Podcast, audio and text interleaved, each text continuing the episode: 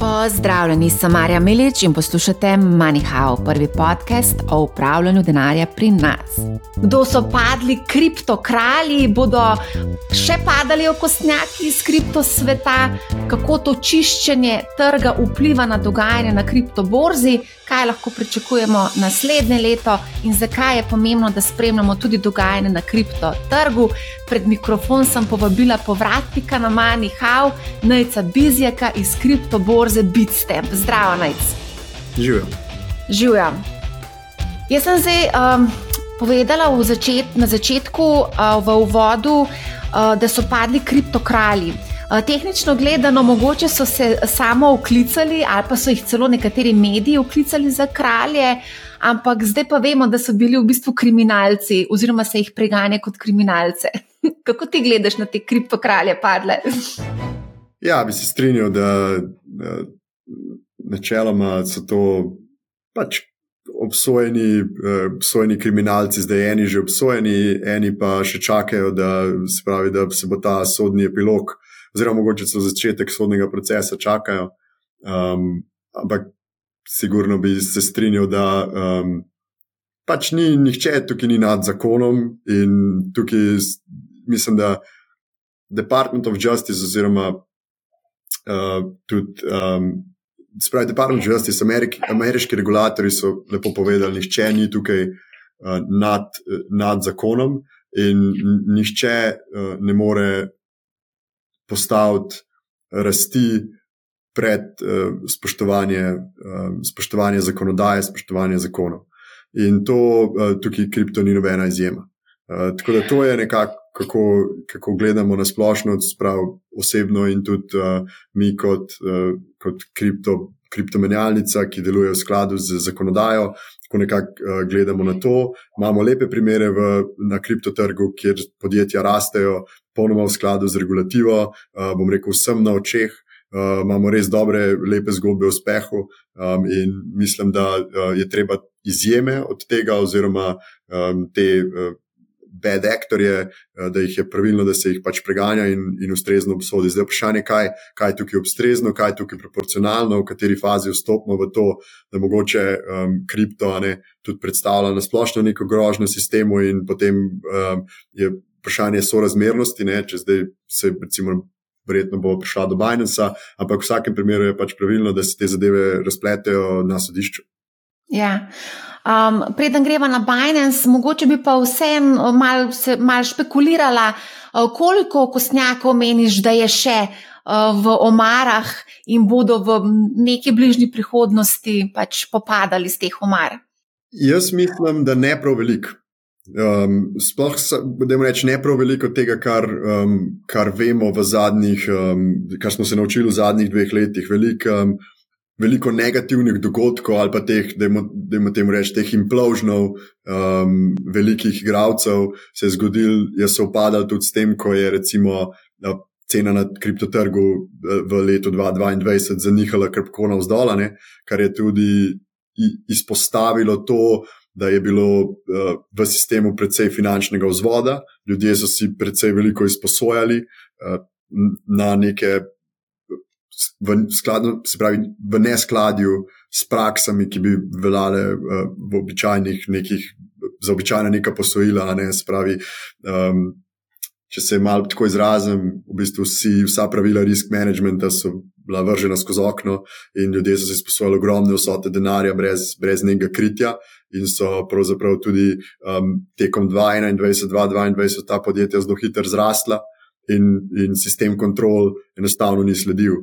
In ker sistem kontrol um, ni sledil, imamo tukaj do, pač dobre igralce, ki so implementirali neke, um, neke da jim reč, reči temu best practice, imamo pa tudi tiste, ki so izkoristili to, um, to sivino. In zdaj um, jaz mislim, da um, seveda naslednji bull market bo verjetno razkril spet neko novo serijo teh uh, bad actorjev, ampak predvsej tega jaz mislim, da je že vidno, zadnji ta vprašaj je bil res pravzaprav Binance. Uh, Medtem ko vse ostalo je že, um, je že po mojem mnenju, na, na, um, prišlo na plano v veliki meri. Imamo še verjetno par različnih igralcev, ki so malo prešljivi, ampak um, jaz bi rekel, da je večina 80% plus. Trenutno že vidimo te uh, neke sistemske um, sistemske um, posledice, oziroma smo jih že, smo jih že videli. Ja, ok, a greva potem kar na Binance. Zdaj, rekel si, da pač tudi, ko smo se pogovarjali s številnimi poznavalci kriptosveta, nekako niso bili presenečeni nad zadnjim dogajanjem. Vsi ste nekako to že opozarjali, govorili o tem, ampak enostavno uh, ni bilo nekih očitno dokazov, da bi lahko nekako stisnili v kot uh, ustanovitla in pa konc koncev vse, kar se pač dogajalo v konc koncev vezano na Binance. Ja, eh, res je. Ne? Amerika je tukaj uspela vzpostaviti svojo jurisdikcijo um, preko tega, da je Binance, se pravi, čisto historično, ne Binance je najprej obstajal Binance, potem pa je začel obstajati Binance US, ta njihova ameriška entiteta. In da imamo še reči, v času uh, kriptodivjega zahoda 2017, 2018, 2019 in proti koncu uh, zadnjega bullrana je Binance. Uh, se pravi, dopustil oziroma uh, se pravi, onboardil na svojo platformo veliko število ameriških uporabnikov. Um, in potem, z, s tem, ko so prišla nova pravila v veljavo, glede kripta v, v Ameriki, se oni niso ustrezno registrirali oziroma ustrezno regulirali. Ne, to je ta Money Service Business License oziroma Money Transmitter License. V osnovi oni tega niso, niso naredili in so kljub temu, da bi oni morali um, ali A prenesti vse te uporabnike na ameriško entiteto, ali pa B jih offboardati, se pravi, jih pravzaprav ne, terminirati. Oni tega niso naredili. Um, in so v, mislim, da med 2017 do 2022 zgenerirali okrog 1,6 milijarde uh, uh, prometa uh, strani ameriških uporabnikov, hkrati pa so zavestno um, pravzaprav spodbujali um, izogib ameriškim pravilom, se pravi, spodbujajo svoje, predvsem te VIP oziroma večje uporabnike, da, se, uh, ne, da, da predložijo dokumente. Uh, Da jim ni potrebno, da jih ni potrebno offboardati, oziroma da, da, ne, da, da ni potrebno, da so prenešeni na ameriško entiteto. Spravi, to so zelo aktivno počeli, obstajajo komunikacije, da se pravi, oni so zavestno kršili ameriško zakonodajo, Hkrati so pa omogočili tem uh, uporabnikom, zaradi odsotnosti vseh pravil za preprečevanje pranja denarja in financiranja terorizma, interakcijo ameriških uporabnikov z uh, konkretno z Iranom. Uh, okrog 900 milijonov prometa je bilo narejen z, uh, z uporabniki uh, Binance, ki so. Um, Se pravi, ki prihajajo iz Irana, ki vemo, da je uh, tarča ameriških sankcij, in čim se ti dotakneš česar koli, kar je vezano na Iran kot ameriški uporabnik ali pa kot, ali pa kot svetovna entiteta, omogočaš stik ameriškega uporabnika z iranskim denarjem, uh, vstopaš na neko, um, bom rekel, uh, na neko zelo, zelo um, um, tako. Um, Tvegano potno. In oni so to zelo zavestno počeli in so vedeli, zakaj se gre. In um, Amerika je uspela vzpostaviti jurisdikcijo, porabili so približno eno leto, da so potem prišli do tega settlementa um, in do same, v bistvu, um, same, uh, da imamo reči, razpleta um, tega sodnega primera. Uh, vmes, uh, seveda, mi v procesu nismo prav dobro svedeli, to se dogaja za zaprtimi vrati, uh, ampak ja, zdaj je do tega razpleta prišlo. Um, Veliko igralcev, mi v kriptu, pač vedlo se je, ne, da uh, compliance, regulativa, to stane precej denarja, to je velika investicija, um, da lahko to uh, vzdržuješ, da lahko to vzpostaviš in vzdržuješ. In ne vsaka taka zelo hitra rast um, zaenkrat uh, se je izkazala na našem trgu, za, uh, da je bila vprašanje, da je zelo vprašljivo, če je bila skladna z zakonodajo. No. Uh, Ja, mogoče tukaj še zapovedati, da je več v bistvu ameriških državnih agencij uh, nekako stopili na prste Binance in pa ustanovitlu in naložili so jim kazen v višini 4,3 milijarde uh, dolarjev, medtem ko ustanovitelj pa pač ta direktor te firme. CZ, ali pa če se malo poigrava z njegovim pravim imenom, Šampeng Žao. Šampeng Žao. On je sicer, če sem jaz prav prebrala, je bil izpuščen uh, na podlagi varščine iz zapora, mislim, da je bilo nekaj čez 170 milijonov dolarjev. Um, je to drži ta podatek? Ne, mislim, da zadnja odločitev sodišča je, da mu ne pustijo, da zapusti Združene države. On je želel v Dubaju počakati na, um, na, spravi, na razplet oziroma na sentencing. No. Sojenjem je ja, razpisano, mislim, da 23. februarja. Mislim, da je to temu se reče v bistvu sentencing, se pravi, ko se sodišče odloči o sami kazni. Tako kot imamo zdaj za uh, Sam Bankman Fried, imamo marca sentencing, se pravi, on je že bil obsojen. Um, Frank Pengžal je že tudi priznal krivdo, zdaj se pa čaka sentencing, kjer sodišče, sodnik odloči o sami višini kazni. Zdaj SBF ima um, do sto let, neko glavnem, ker precej uh, tri mestna številka v letih. Um, Medtem ko uh, Žan Pengžal ima, se pravi, Sizi. Uh, 50 milijonov dolarjev kazni in pa do 10 let v zaporu, uh, verjetno bo to neka. Jaz, jaz mislim, da je to vse neka nižja številka, se pravi na, nižje, na nižji strani tega range. Če malo pogledamo za nazaj, recimo Arthur Hayes uh, od Bitmexa je takrat dobil šest mesecev hišnega pripora, uh, pa Bitmex je bil zelo podoben case, je pa seveda Binance precej, precej večji v tem smislu. Zdaj si napovedal, da bomo kar imeli razborljivo dogajanje v začetku naslednjega leta, februarja, CZ in potem še marca, Sam Bankman Fried, ki mu grozi preko 100, 100 uh, let zapora. Um, Res je. Upam pa, da bomo imeli, upam, da bomo imeli no, čemu bolj pozitivnemu zagovorku, kot o tem sentencingu. Jaz bi čim, rad, čim prej rad, da je to v bistvu za nami in da, um, da, da recimo obsojeni kriminalci dobijo čim manj airtime um, in da se osredotočimo na, na neko vrednost, ki jo ta industrija ustvarja, proti temu, da um, se pogovarjamo o tem, koliko kazni bo SBF dobil. Ja, ampak vseeno je zanimivo tudi to spremljati. Ne? Verjetno bo tudi kakšen, uh, hollywoodski film nastal po, po tem scenariju, ki se je odvijal. Mislim, materijala je zelo velik. Ne? Netflix serija. Netflix serija, definitivno. A se že pripravlja? Verjetno. ok, mi pa kot poznavalca te scene. Um, ja, ampak me je presenetilo, predvsem skupaj, uh, da je bil vpliv, vpliv na borzo kar minimalen. No? Um, zakaj? Če primerjava z um, FTX-om, takrat se je precej bolj burno odzvala borza, medtem ko pri Binance pa pač tega ni bilo. Ja, um, recimo za začetek je treba vedeti, da kaj, kaj Binance v bistvu nikoli ni bilo očitano, oziroma niti očitano. Ne? Spravi, a, da so uporabljali denar svojih uporabnikov za neskladno z namenom, um, za katerega jim je bil zaupan kar je FTX počel, se pravi, tam je nastala luknja ravno zaradi finančnega vzvoda in te povezave z Alamedo Research ne, in teh medsebojnih posojil, za katere kritja ni bilo, kar potem, da, kar potem pomeni, da se nekje ustvari prodajni pritisk. Vezano na ta konkreten dogodek. Um, to je prva zadeva, druga pa nikoli niso očitali ali dokazali uh, manipulacije trgov.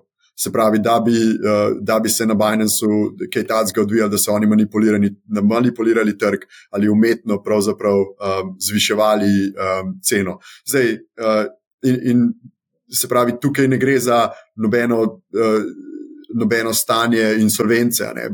Binance uh, so sprejele najvišjo kazen.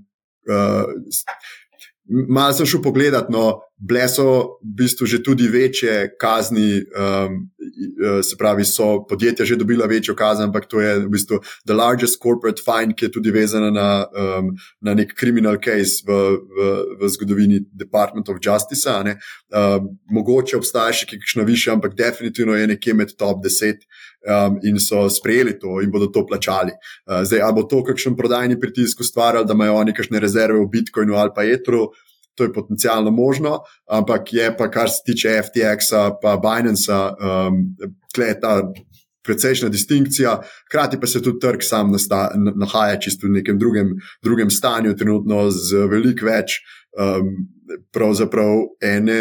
Enih dodatnih informacij, uh, ki jih cena odraža, uh, ki so te dodatne pozitivne informacije, ki pač v, v tistem novembru 2022 jih, jih ni bilo, uh, jih je pa cela vrsta zdaj, trenutno, ki so pozitivne.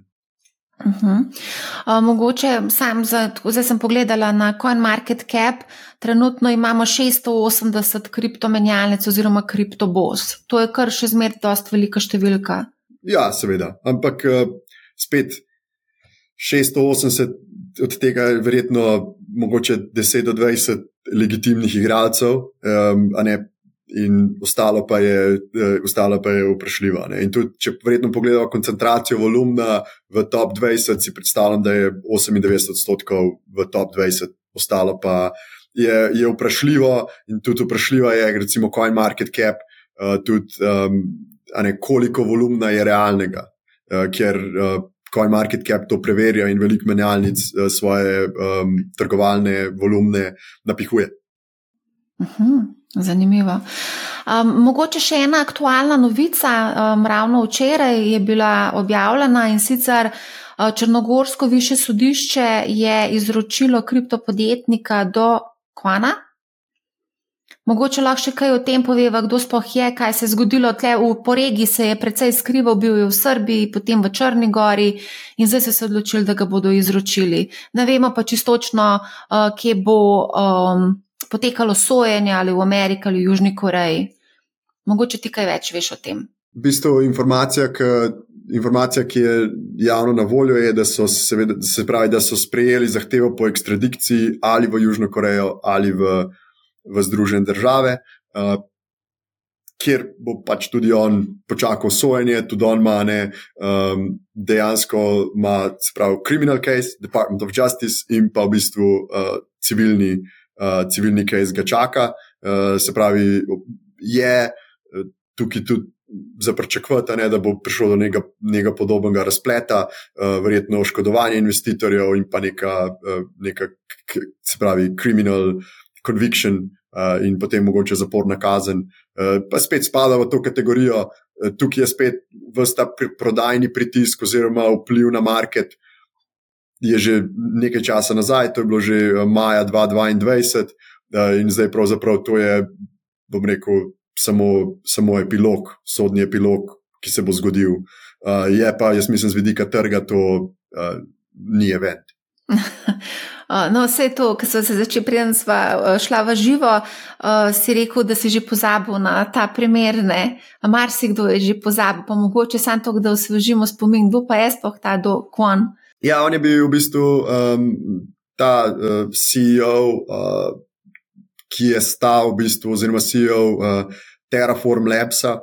Uh, to je v bistvu um, podjetje, ki je bilo glavni sponzor oziroma developer tega stabilnega kovanca Terra v povezavi z, z, z, z tem, bom rekel, to je bil algoritmični stabilni kovanc oziroma algoritmični stablecoin, uh, katerega v bistvu PEG se je uh, na podlagi. Um, Na podlagi aktivnosti večjih teh akterjev na trgu se je zlomil, in je veliko ljudi uh, izgubilo veliko denarja takrat maja.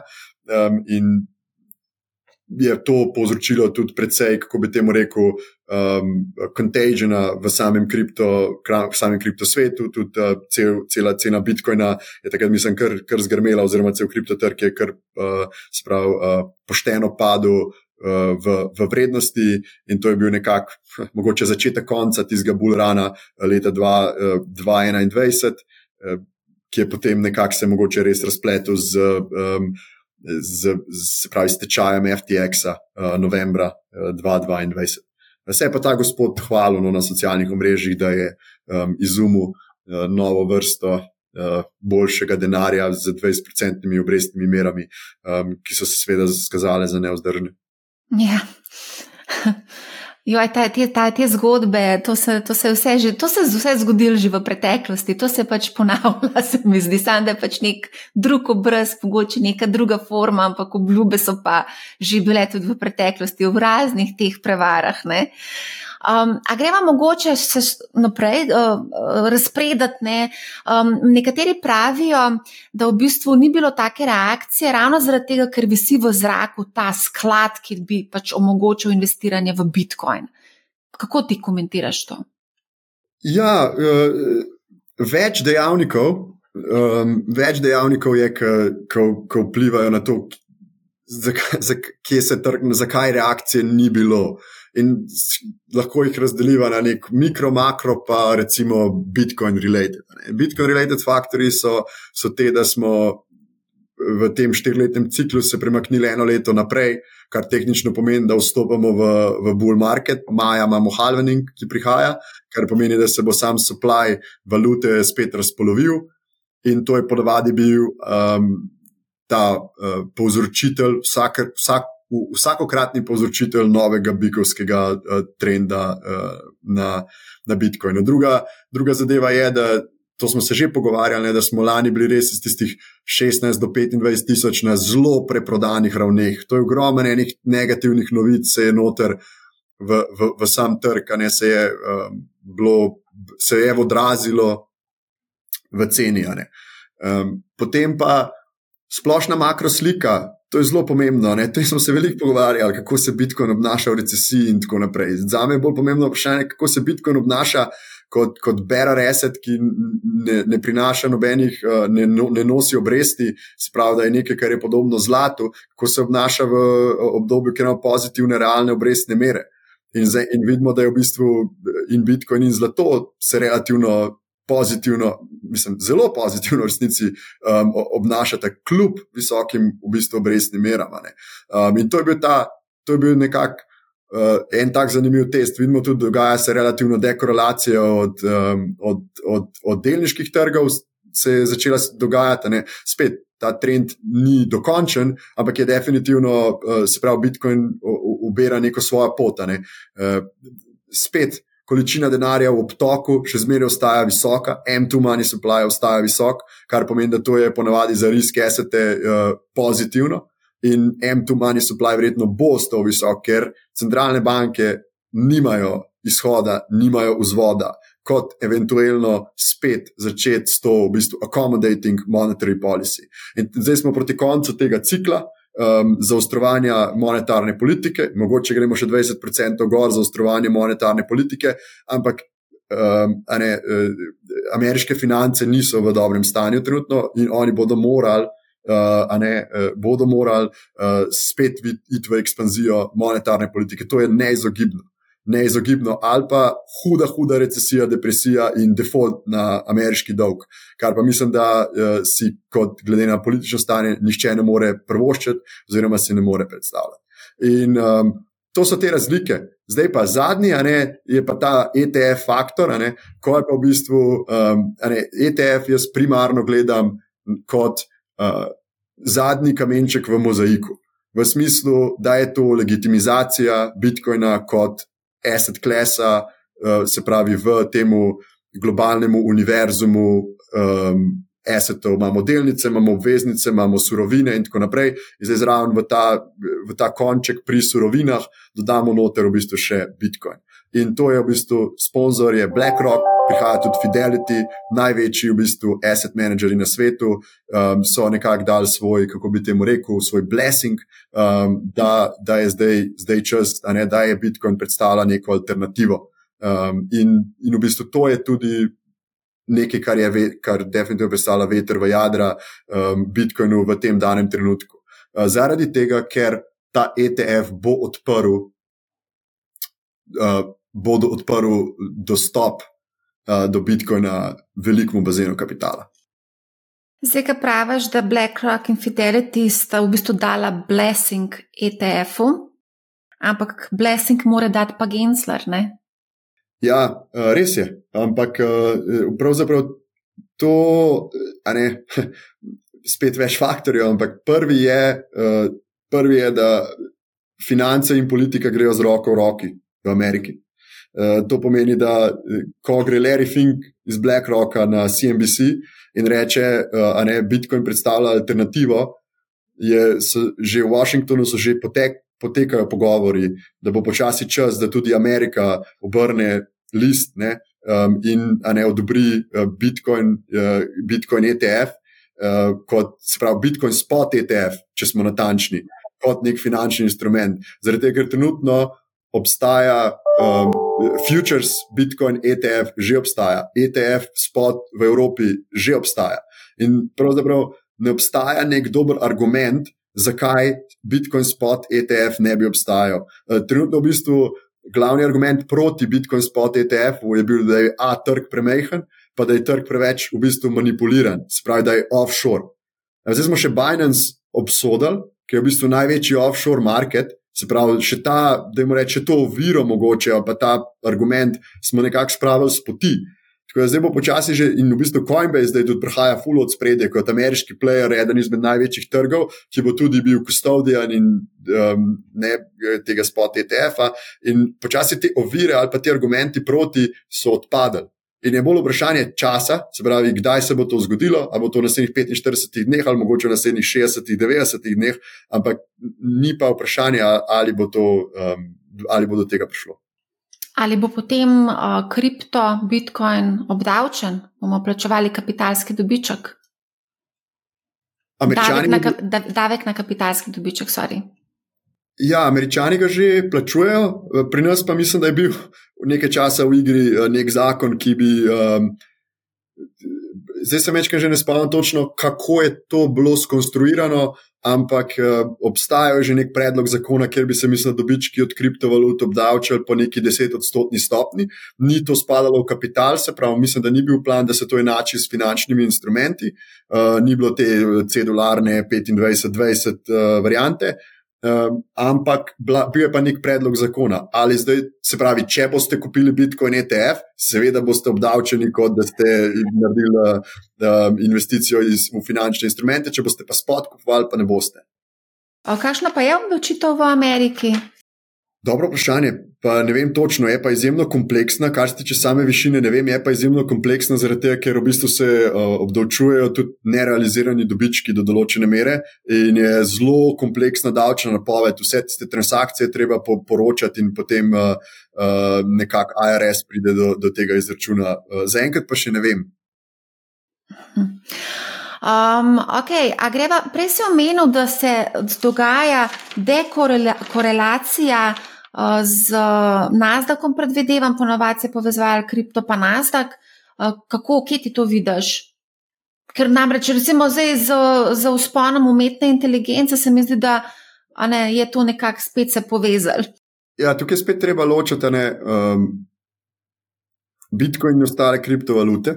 Jaz, recimo, na Bitcoin gledam kot na neko v bistvu uh, digitalno verzijo zlata z ki ima v bistvu karakteristike tega, da je precej bolj uporabno kot nek settlement sistem, kot nek, kot nek denar. Se pravi, če, če gledamo na zlato kot ne, nek kos kovine, ki nekje sedi in, in načeloma uh, ne, drž, drži vrednost, ampak je izjemno slabo, za recimo kakršen koli settlement, izjemno slaba prenosljivost. Z njim se pravzaprav ne, um, da lahko iz zlatom karkoli naredimo, če si ga midva izmenjava, da v bistvu ugotoviva pristnost, moramo ga stopiti pa nazaj, skupaj v palco sestaviti, da lahko rečemo, da to pa res je uh, to pristno zlato. In načeloma sedi v sefih, teh sefov ne zapusti. Ne? In zato se je v bistvu zgodila na zlatu ta abstrakcija. Uh, se pravi, da, se vsa, da smo šli en nivo više v smislu denarja, da se vsa trgovina dogaja nad zlatom, ko je bil ta gold standard, medtem ko zlato v bistvu sedi v sefih. Zdaj Bitcoin to stvar rešuje, se pravi, nadgrajuje to neko pomankljivost zlata. Pa pa ostale kriptovalute, ki so načeloma investicije v tehnologijo. Se pravi, um, in, in na, to, na, na, to, na to tudi tako gledamo. Se pravi, to je investicija v blockchain tehnologijo. Zdaj, blockchain tehnologija v določeni meri ima lahko uh, neke povezave z AI, ne, ampak uh, hkrati pa, če pogledamo Nasdaq, to je investicija v tehnologijo in v, v, v, sam, v sam AI. In zdaj, investment thesis tukaj je ne, za Bitcoin je malo drugačen, kot za, za recimo investicijo v Nasdaq ali pa investicijo v Solano. Um, Bitcoin držim zato, ker se v bistvu um, uh, želim preprečiti razvrednotenje mojega dolarja na, na, na bančnem računu, medtem ko Solano investiram zato, ker Se pravi, verjamem, da bo um, se na, na, na high performance blockchain pres, se bodo predstavili recimo finančne aplikacije ne? in to se bo odrazilo v vrednosti tega kovanca. Ne? Kupujem en video zato, ker verjamem, da bodo uspešni v v implementaciji umetne inteligence. Torej, bo ta technology versus store of value play, ki se tukaj odvija. Da investiraš v Bitcoin zaradi tega, da nekako preprečiš razvrednotenje denarja na banki. Ampak to je kar precej tvegana investicija, ni? Če gledamo z vidika rizičnosti, glede tega pač nihanja, čeprav nihanja so vse nekako merila, ampak vsem.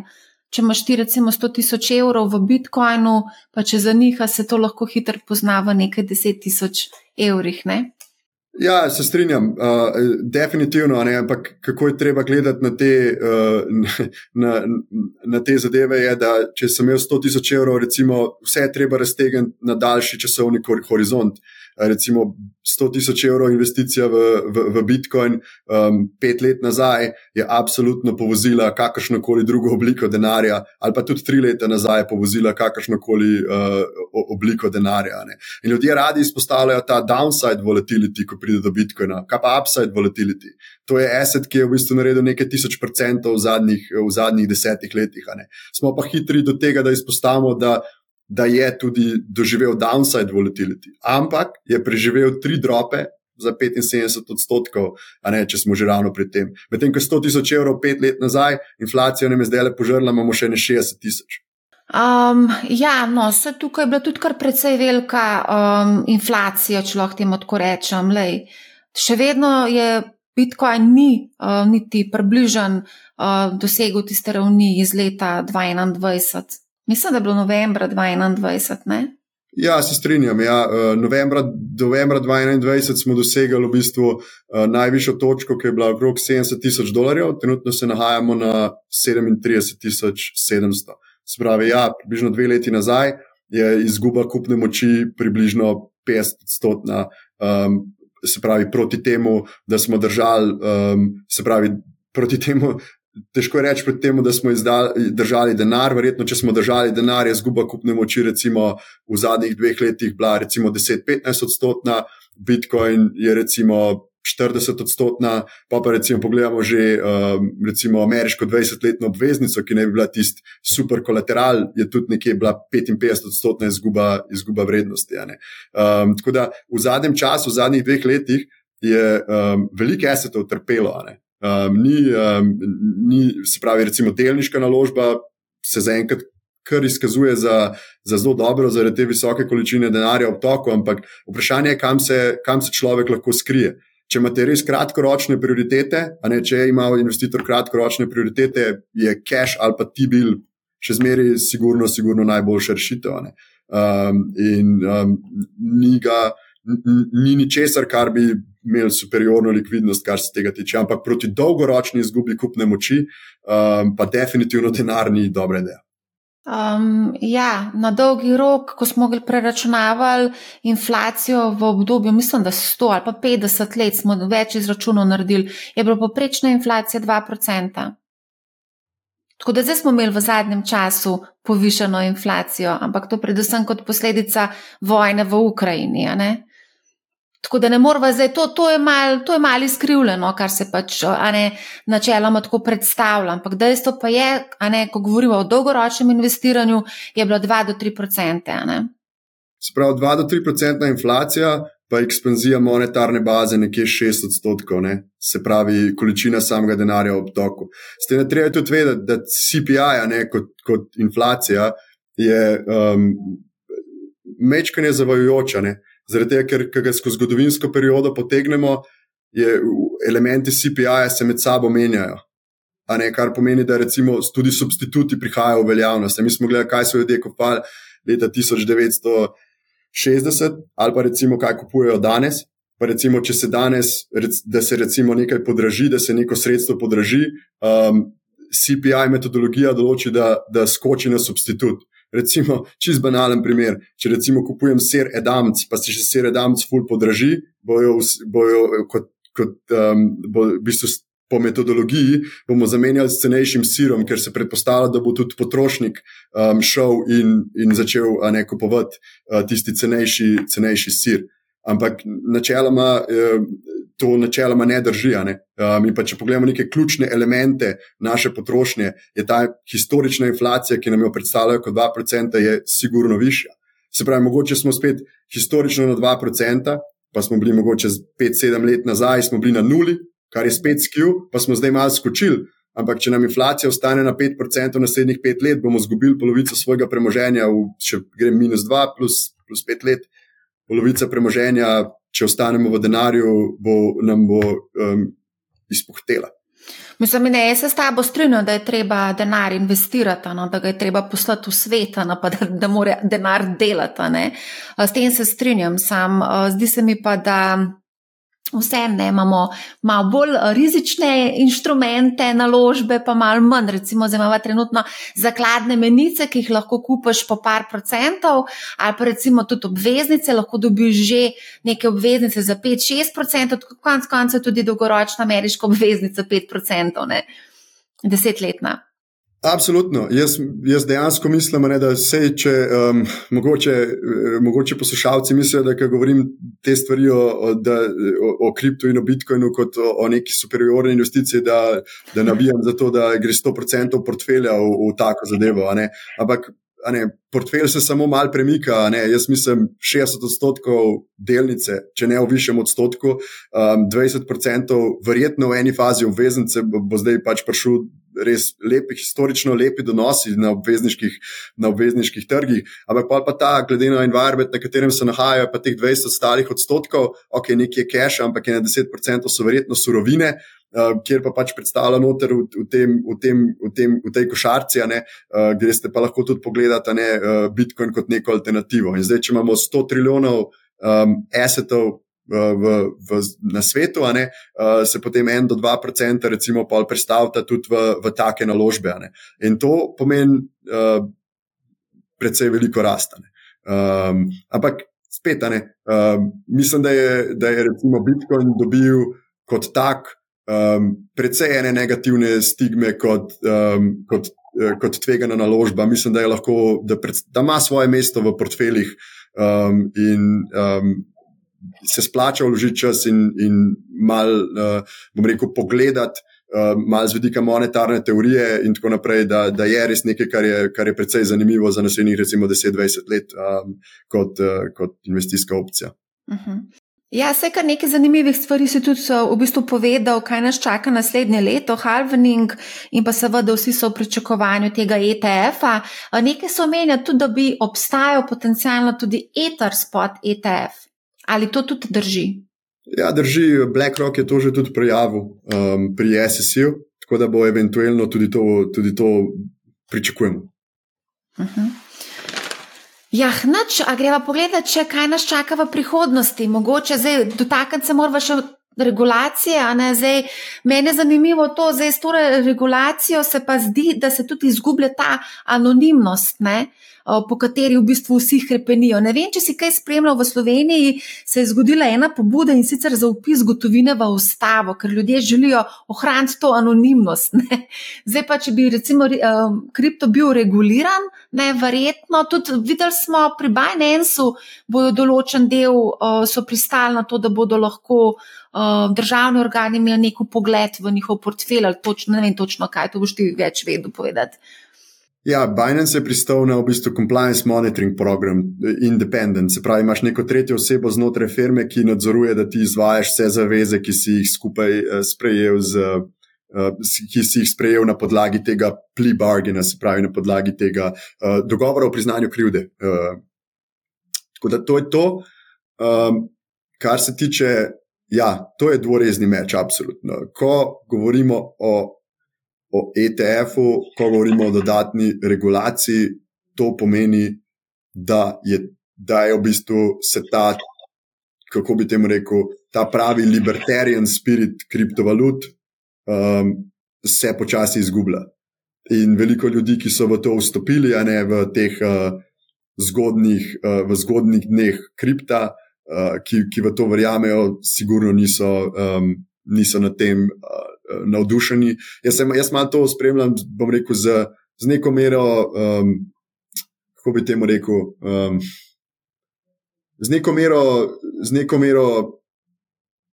Tako malo je, mal je kako si rekla, malo tak dvorezni meč, ne malo, kako bi tem rekel, v lastno skledo pluvamo, ne, za, za, za več regulacije se prizadevamo, um, hkrati pa se, ne, se zavedamo, da nam bo to prineslo nekaj, kar bo pravzaprav mogoče en, um, en neko ta ključni element kripta um, v bistvu nam odneslo stran.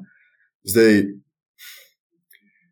kako se bo to razpletalo, um, je težko, je težko reči. Jaz, jaz, malo je smešno, no, ko vidim ta scenarij, kako v bistvu um, malo tudi malo na eni drugi strani so tudi regulatori, so malo zanimivi, kako pravijo, da v bistvu ne moramo.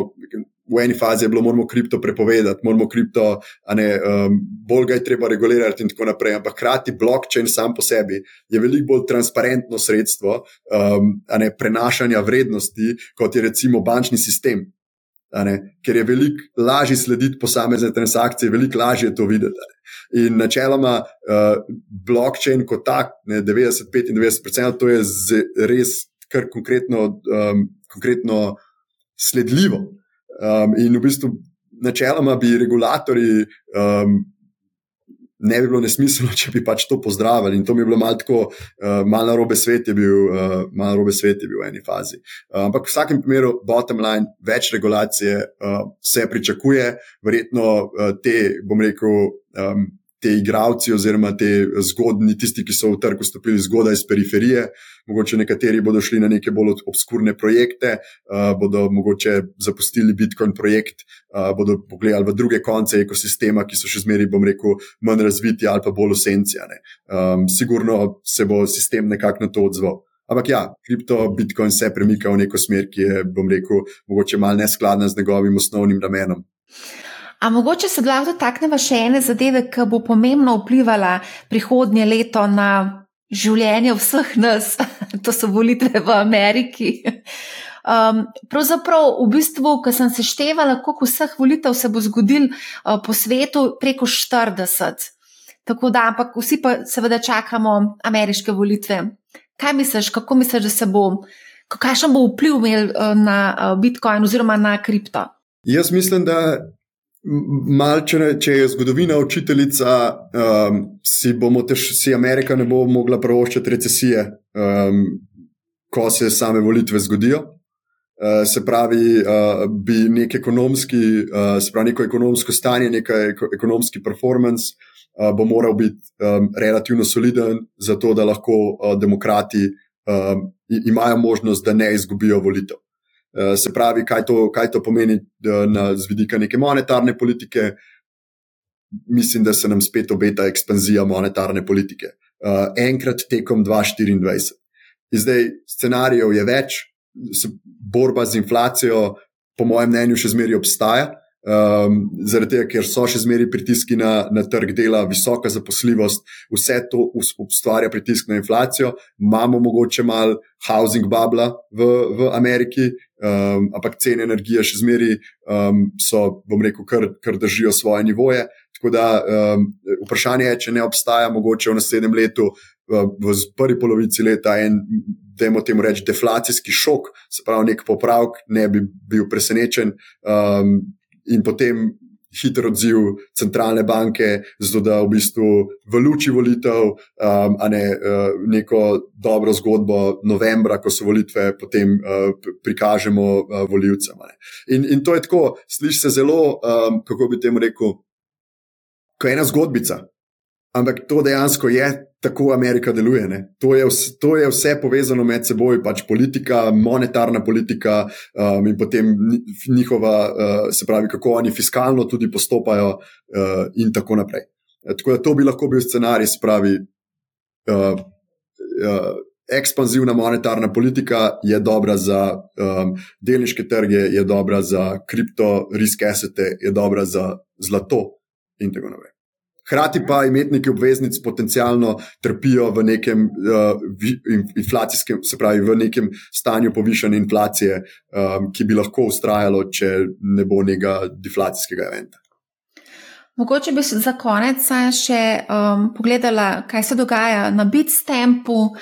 Dosti krat um, razni kriptovlagatelji uh, komentirajo, da, bit, da je Bitstamp nekako zaspal, za pa ni toliko v stiku z vsemi temi novitetami kot recimo konkurenca. Ja, to je, to je sigurno res. Se pravi, uh, če pogledam, uh, kako, se, um, kako se obnaša konkurenca, jaz mislim, da naši, uh, se pravi, širina našega produkta uh, ni taka, kot je širina produkta nekaterih konkurentov, ki tudi so, bom rekel, bistveno večji, mogoče tudi bistveno boljše, imajo neko bistveno boljšo podlago, so bistveno boljše kapitalizirani v, v osnovi, ali pa tudi delujejo um, izven. Um, Izven, bom rekel, um, dostopa ali pa vpliva uh, nekaterih najstrožjih svetovnih regulatorjev uh, kriptovalut, uh, kar mi imamo ne, od, od naše, uh, spravi celotne, um, uh, od vseh zaposlenih imamo um, več kot 30 odstotkov uh, ljudi je zaposlenih v, v, uh, spravi, v, v kontrolah, se pravi, compliance, legal risk, uh, kar pomeni, da to jemljemo zelo resno in filozofija podjetja je zmeri bila, da gremo um, obratno kot Binance, da je bolj ask for permission, not for forgiveness. Medtem ko Binance je bolj ask for forgiveness, um, not for permission. Um, Tako da uh, to, je, uh, to je bila filozofija in mislim, da bomo s tem nadaljevali. Uh, hkrati pa tudi um, uh, nekaj, imamo nekaj zanimivih produktov, ki so, um, ki so dostopni vlagateljem oziroma investitorjem danes. Uh, obeta se pa tudi kar precej zanimivih stvari v, v 2024, tako da mi se kar veselimo uh, naslednjega leta v smislu, bom rekel, uh, novih zadev, ki jih bomo lahko ponudili našim strankam. Ampak ostajamo pa pač stoprocentno um, skladni s svojo filozofijo, kar pomeni, mi želimo, da stranke vedo, da je njihov denar pri nas uh, na varnem, da lahko pri nas, uh, bom rekel, uh, investirajo v kriptovalute brez skrbi um, in da v bistvu se z njihovim denarjem ne bo nič zgodilo, ker verjamemo tudi, da je, v bistvu, da je to pravilen način, kako se kriptotrg mora razvijati. Ravno v Sloveniji smo imeli pred parimi dnevi kibernetski napad na HSE. Uh, kako pa je kaj v kriptosvetu, uh, kriminalci napadajo kibernetski, ker včasih veva, da je to bilo kar precej pogosta zgodba.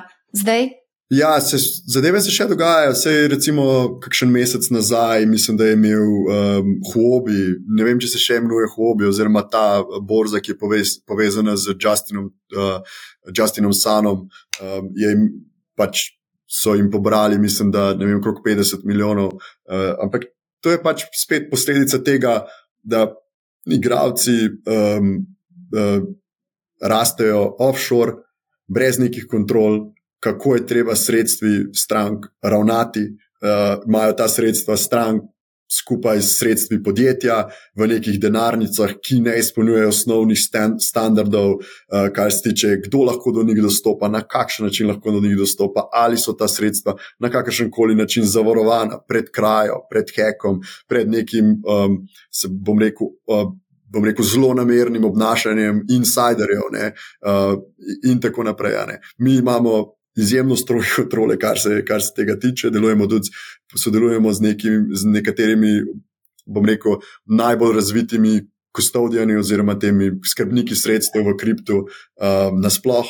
In uh, je v bistvu firma postavljena, temelj, spravi, sami temelji so v bistvu varnost uh, sredstev, sredstev naših strank. Uh, pa, nimamo pa tukaj enotnega standarda po celotni industriji in potem se te dogodki, dogodki še zmeraj uh, dogajajo. Seveda. A lahko mečkam še skočiva samo na hitro na naš Discord kanal. Nekaj vprašanj je bilo in sicer eno vprašanje je bilo tudi vezano na uh, annual percentage yield, ki ne bi ga lansirali 8%, ali lahko mogoče poveš, kaj to je? In ali smo o tem že govorili na Manikavu? Ne, o tem, nis, o tem nismo govorili, ampak mislim, da se to navezuje na uh, trenutno ponudbo, kjer strankam na njihove v bistvu stabilne kovance, to sta Tether in pa USDC, se pravi USD Coin, ki ga izdaja ta ameriška, uh, ameriško podjetje Circle, ponujemo obresti v višini do um, 8% um, in kako ponujamo lahko te obresti, ker to je ponovadi to, to ključno vprašanje. Mi delujemo uh, tukaj, uh, v, imamo partnerstvo uh, s podjetjem, ki se imenuje Tesseract. In pravzaprav uh, to podjetje Tesseract se ukvarja um, rekel, s sprejemanjem de, depozitov in posojanjem uh, tega kripta naprej določenim igralcem v, um, v kriptoindustriji. In trenutne obrestne mere za izposojo um, teh stabilnih kovancev, um, ki veljajo za v bistvu najbolj kreditno sposobne izposojevalce, so okrog 8%. Uh, to pomeni, da kaj, kaj ko, ko rečem, najbolj v bistvu kreditno sposoben izposojevalec, to je tisti, ki ponudi 100% kolateral, zavarovanje za njihovo izposojo kriptovalut. To pomeni, če si želi ta izposojevalec posojati 1000 dolarjev kriptovalute, mora položiti 1000 dolarjev bitcoina, pardon, 1000 dolarjev stabilnega kovanca, mora položiti 1000 dolarjev ali več um, nekega bitcoina um, ali etra. Uh, potem pa v bistvu to pomeni tudi, da so to podjetja, ki niso neki um, kripto uh, hedge fundi, ampak so podjetja s stabilnimi, um, stabilnimi bilancami stanja, ki ponovadi delujejo v bistvu v različnih mi bi temu rekli multi-asset class, torej nekdo, ki trguje na delniških, obvezniških trgih in nekdo, ki tudi ima neko, eh, nek, nek kriptobiznis. Tako da mi v bistvu pri nas so tisti, ki si ta denar lahko izposodijo, so lahko zgolj najbolj kreditno sposobni posojilojemalci. Obstajajo tudi limiti, koliko si posamezni posojilojemalec lahko, uh, lahko izposodi. Kar pomeni, da neka situacija, ki se je zgodila, Um, v, recimo imamo to povezavo uh, BlockFi in Alameda, kjer so posodili 600 milijonov enemu, uh, enemu izposojevalcu, um, se iz večjih razlogov ne bi, morala, ne bi morala zgoditi. Torej, ena je to, da je Alameda bila kripto hedge fund, uh, druga je, da je šlo tukaj za prekoračitev. Um, uh, maksimalne izpostavljenosti um, individualnemu uh, klientu. Tako da to lahko ponudimo, ker so to trenutno prevladojoče obrestne mere, um, na kriptotrgu um, za izposojo stabilnega uh, kovanca. Uh, se pravi, ne, ne obstaja od zadaj neka, neka schema, um, ki, ne, ki bi naredila to neozdržno. Je pa res, da si ta trenutek bit, bitstamp od tega ne jemlje nobenega, um, nobenega deleža. A ne vse prenesemo našim strankam neposredno, v eni fazi pa verjetno si bomo od tega tudi vzeli delež, kar bo pomenilo, da bodo obrestne mere eventualno tudi padle. Ampak jaz sem te sprašvala pred časom, ko si bil gost Manihava, sem te sprašvala, ali boste ponudili obresti na neinvestiran denar po, po zgledu, ne vem, Trade Republic in drugih brokerjev. Ja, se, o tem sem se pogovarjala. Um, kar lahko rečem, je, da to je še zmeraj nekaj, kar, kar raziskujemo in kako lahko v bistvu to ponudimo na, na, na uh, našim strankam. Spet obstaja možnost, da se bo to zgodilo prek nekega stabilnega kovanca, ki je interest rate bearing ali pa potencialno preko, uh, preko pač neposrednih, uh, neposrednim obresti strankam. Um, je to sigurno nekaj, če se zavedamo, da potem je popraševanje uh, in, in v bistvu, bom rekel, raziskujemo, kako lahko to um, izvedemo. Še eno vprašanje in sicer, kakšno je vaše mnenje o Binance, bi bilo pametno umakniti denar iz menjalnice? V primeru, da pride do take situacije, neko splošno načelo, neko prepričanje ali pa nek nasvet, kaj lahko naredimo, če se zgodi kakšna taka scena. Jaz bi tako rekel. Um, Predstavite denar na bitstamp. Zahecam se. Jaz bi tako rekel. Kaj je vaš, kaj je vaš uh, uh, bom rekel, uh, s kakšnim namenom imate denar na Binance? A so to vaši prihranki? Uh, ki jih želite čez deset let še zmeri uh, biti, ne, jih imeti neki, ali to so neki relativno, da imamo temu reči za kripto nerizične naložbe in tam držite Bitcoin in Ethereum in tega ne dotikate in ne tradete, predstavite dol iz Binance. Če ste trader, pa pač se to za, gre za nek uh, trading account. Um, pa pač je to neko aktivno upravljanje um, nekih, bom rekel, nekega long taila, nekih, uh, nekih kovancev razmislite, če ima kakšna borza, kot je varianta, ne vem, Coinbase ali pa Kraken ali pa potencialno biti s tem podobno ponudbo kovancev. Uh, se pravi, jaz mislim, da biti s tem, recimo, če long tail trgujete, da, da verjetno tega ne ponujemo, pa recimo Kraken ali pa Coinbase tudi kar dobro ponudbo in predvsej bolj uh, gre za nekaj predvsej bolj uh, legitimnega. Če gre za trgovanje z derivativi. Um, je Binance sigurno na prvem mestu. Uh, se pravi, uh, jaz mislim, da obstajajo slabši igralci kot Binance, kar se tiče kapitalizacije, kar se tiče, um, um, se pravi, uh, če rekel tega, kako časa je to podjetje že aktivno in kako, kako veliko je zaenkrat dokazal za to, da bi uporabljali sredstva strank za neskladno z namenom, za katere jim je bil zaupan. Ni, ampak uh, vprašanje je, ne, jaz deset let Bitcoina sigurno ne bi držal na Binance. Um, odlično, najc. Um, a bi lahko mogoče saj še za konec, čist, čist, res za konec, um, povedal, mogoče ali pa svetoval, um, kaj zdaj. Um, a kupiti Bitcoin, a kupiti Ether, kako ti gledaš na te naložbe? Dobro, ti zdaj to prodajaš, na ti si zdaj v funkciji tukaj predstavnika kriptoborze. Ampak recimo neka poprečno, k tveganju poprečno nagnjena oseba, kako bi ti recimo taki osebi svetoval, glede na to, da je cel kup nekih novosti za marsikoga, ko bo poslušal to epizodo, ne bo razumel kar nekaj stvari. Ja, jaz mislim, da če pogledamo splošne makro, makro dejavnike in, in stanje na makrotrgu, uh, globalnih finančnih trgih, uh, predstavlja kripto, pa spet druge stvari bodo, ne, um, imamo bolj in manj zrele investicije v kripto. In tiste bolj zrele, uh, po mojem mnenju, manj tvegane, sta recimo Bitcoin in, in, in, in Ethereum. In recimo, da je Ethereum, uh, pa mogoče še par teh layer one tehnologij, da so investicije v, v tehnologijo, medtem ko je uh, Bitcoin investicija uh, v to, da v bistvu ohranjanje kupne moči. Jaz mislim, da um, v nekem omejenem obsegu bi to uh, bilo razumno, da je del vsadzga portfelja za naslednjih deset let, glede na to, kje se nahajamo v, v makrociklu.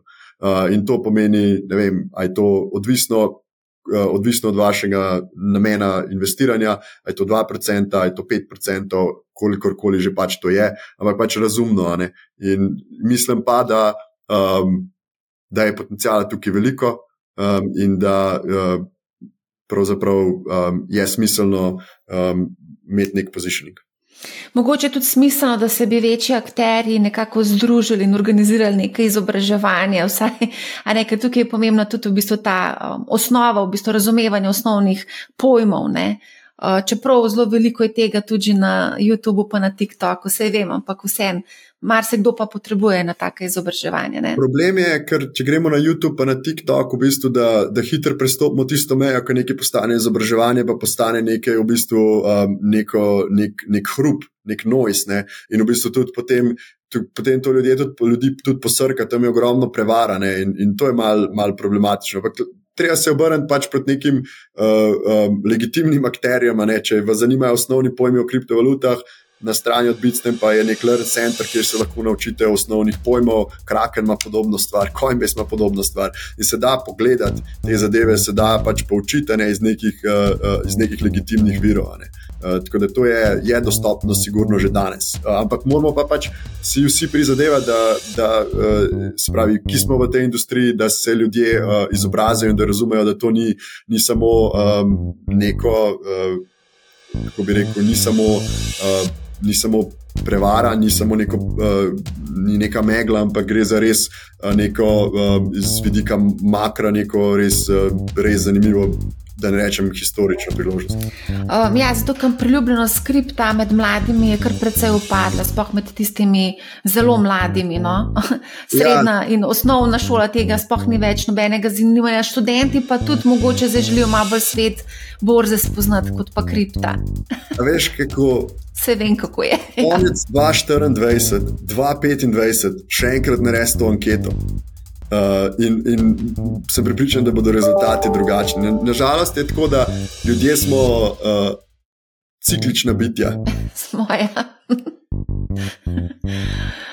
Najc, najlepša hvala za odlično debato.